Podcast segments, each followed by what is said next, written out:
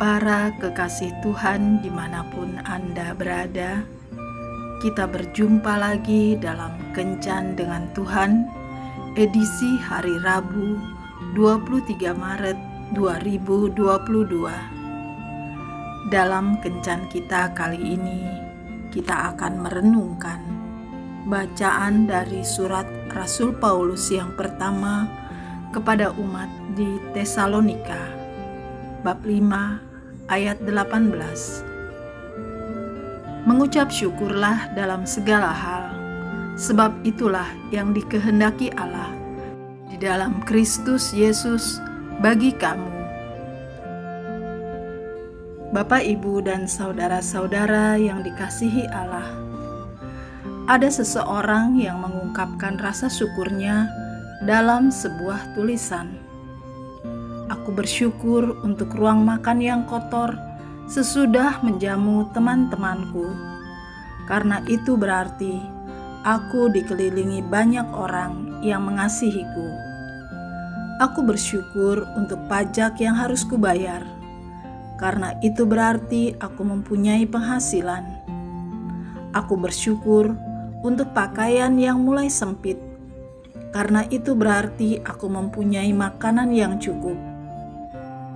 Aku bersyukur untuk halaman rumput yang harus dipangkas, jendela yang harus dibersihkan, dan selokan yang tersumbat.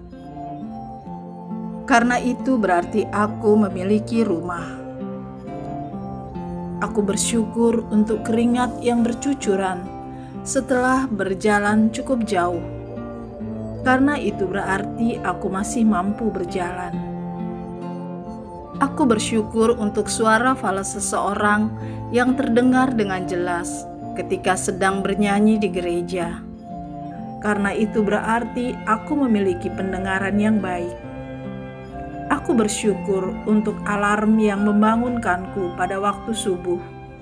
Karena itu berarti Tuhan masih memberiku kehidupan. Aku bersyukur untuk otot yang pegal-pegal di sore hari setelah bekerja, karena itu berarti aku masih produktif. Makna dari kalimat-kalimat di atas yaitu di balik segala sesuatu yang kelihatannya tidak menyenangkan, selalu ada hal-hal baik yang patut disyukuri. Firman Tuhan mengajarkan kepada kita untuk bersyukur dalam segala hal mengucap syukurlah dalam segala hal, sebab itulah yang dikehendaki Allah di dalam Kristus Yesus bagi kamu. 1 Tesalonika 5 ayat 18 Ketika menghadapi keadaan yang tidak menyenangkan, orang selalu cenderung untuk mengeluh dan tidak puas. Bahkan tidak hanya sebatas mengeluh, ada juga yang mulai menyalahkan situasi, orang lain, atau Tuhan. Sekarang, marilah kita mengubah kebiasaan itu dan menggantikannya dengan ucapan syukur. Tanpa disadari, kita selalu membiarkan diri kita untuk mengeluh tentang banyak hal, pekerjaan yang menumpuk, cuaca, kelemahan sesama, termasuk pasangan uang yang tidak pernah cukup, makanan yang tidak sesuai selera, dan sebagainya. Sebenarnya, kebiasaan mengucap syukur akan membangun sesuatu yang positif dalam diri kita. Bersyukur membuat kita bisa menghadapi situasi yang sulit dengan tenang, bisa menyelesaikan pekerjaan dengan baik, membuat beban menjadi ringan, dan hati tidak kehilangan damai sejahtera.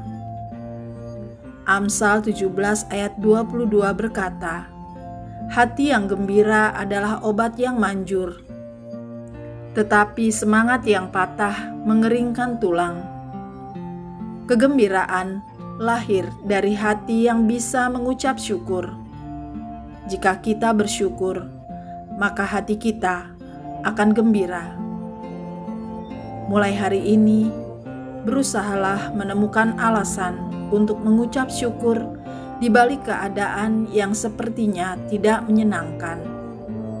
Ucapan syukur juga merupakan wujud ketaatan dan keyakinan kita kepada Tuhan yang mengontrol segala sesuatunya dalam hidup kita.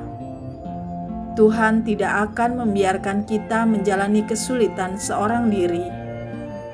Ia berjanji bahwa dalam segala hal Ia turut bekerja untuk mendatangkan kebaikan bagi kita.